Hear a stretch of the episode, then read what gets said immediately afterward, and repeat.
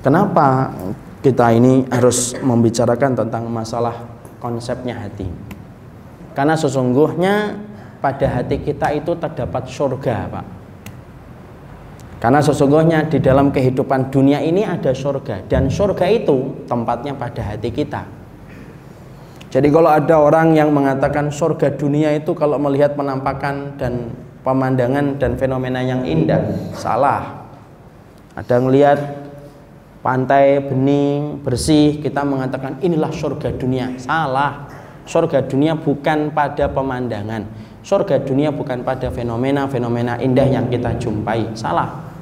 Tetapi namanya surga dunia itu terletak pada hati. Mana dalilnya antum bisa mengatakan sesungguhnya di dalam kehidupan dunia ini ada surga dan surga itu ada pada hati kita? Perhatikan perkataan dari Imam Ibnu Taimiyah ketika Ibnu Taimiyah itu berkata, "Inna fil jan inna fid dunya la jannatun man lam yadkhuluha lam yadkhulil jannah fil akhirah." Sesungguhnya di dunia ini, sesungguhnya di dunia ini ada surga Siapa pun yang tidak pernah mencicipi surga di dunia maka dia tidak akan pernah memasuki surga di akhirat. Ketika Imam Ibn Taimiyah mengatakan ini diberikan penjelasan oleh Imam Ibnu Qayyim, muridnya beliau rahimahullahu taala. Beliau lalu menjelaskan apa itu yang dimaksudkan oleh Ibnu Taimiyah dengan jannatun fid dunya, surga di dunia. Maka beliau berkata orang yang merasakan nikmatnya penghambaan mereka kepada Allah, merasakan khusyuknya hati mereka ketika beribadah kepada Allah, merasakan kebahagiaan yang mereka rasakan ketika mereka menjadi hambanya Allah, maka itulah yang disebut dengan surga di dunia dan itu letaknya pada hati kita. Dan kalau orang tidak pernah merasakan surga pada hatinya ketika di dunia Imam Ibn Taimiyah berkata, orang yang tidak pernah merasakan surga hati pada kehidupan di dunia, maka dia tidak akan pernah merasakan surga pada kehidupan di akhirat. Kalau kemudian dia tidak pernah merasakan surga hati pada kehidupan di dunia. Makanya surga hati itu ada atau tidak? Ada. Surga hati itu ada, Pak. Makanya kita menjumpai kisah-kisah luar biasa dari orang-orang yang mereka membuktikan betul bahwasanya dalam hati mereka itu terdapat surga ketika mereka sudah beriman sama Allah dan kisah itu betul-betul nyata. Makanya kalau kita membaca saya akan ambilkan contoh-contoh bahwasanya surga hati itu ada. Dan surga hati itu termasuk surga dunia dan kalau kita belum pernah mencicipi namanya surga hati kita pada kehidupan di dunia kita wallahi Berarti kita susah untuk membayangkan diri kita akan merasakan surga di akhirat kalau tidak pernah merasakan surga hati pada kehidupan kita di dunia. Saya ambilkan contoh, Pak. Contoh-contohnya banyak. Ada salah satu sahabat wanita Nabi. Namanya Ummu Khonsa. Sebelum dia masuk Islam, Ummu Khonsa ini hidup pada kondisi jahiliyah.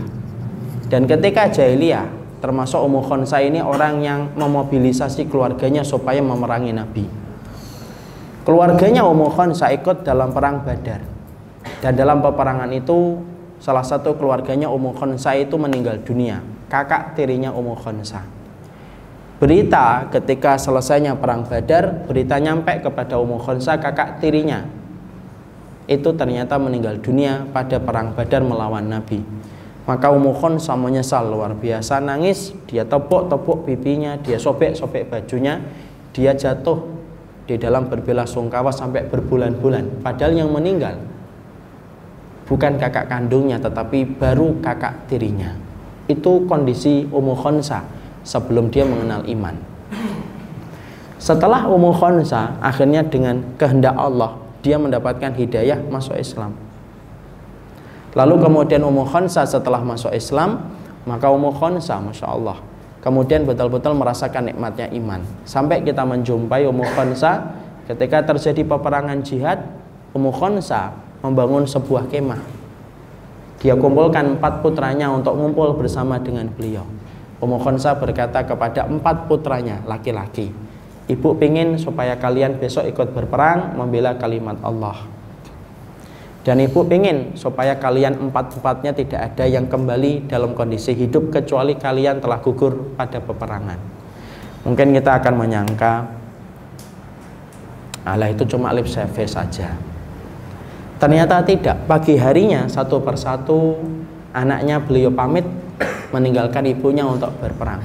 Menjelang siang kurir dikirim kepada keluarga satu persatu yang meninggal keluarganya dalam peperangan tidak terkecuali Ummu Khonsa. Ummu Khonsa diberitahu oleh kurir empat putranya meninggal gugur di jalan Allah. Perhatikan, seorang wanita ditinggalkan empat putranya. Padahal kita paham ya musibah paling besar bagi seorang wanita itu bukan ditinggalkan suami, tapi musibah paling besar seorang wanita adalah ketika dia menghadapi kenyataan anaknya meninggal dunia dan dia harus menabur tanah pada jasad anaknya. Itulah musibah paling besar. Tapi yang terjadi, Ummu Khonsah hanya meneteskan air mata. Dalam beberapa riwayat dijelaskan dia sempat sujud syukur ketika empat putranya sudah meninggal dunia. Dia akhirnya seorang diri Pak sampai dia meninggal dunia dan tidak ada kegembiraan yang dia paling besar rasakan kecuali dia mendapati empat anaknya sudah dibeli oleh Allah di dalam peperangan. Itu surga hati Pak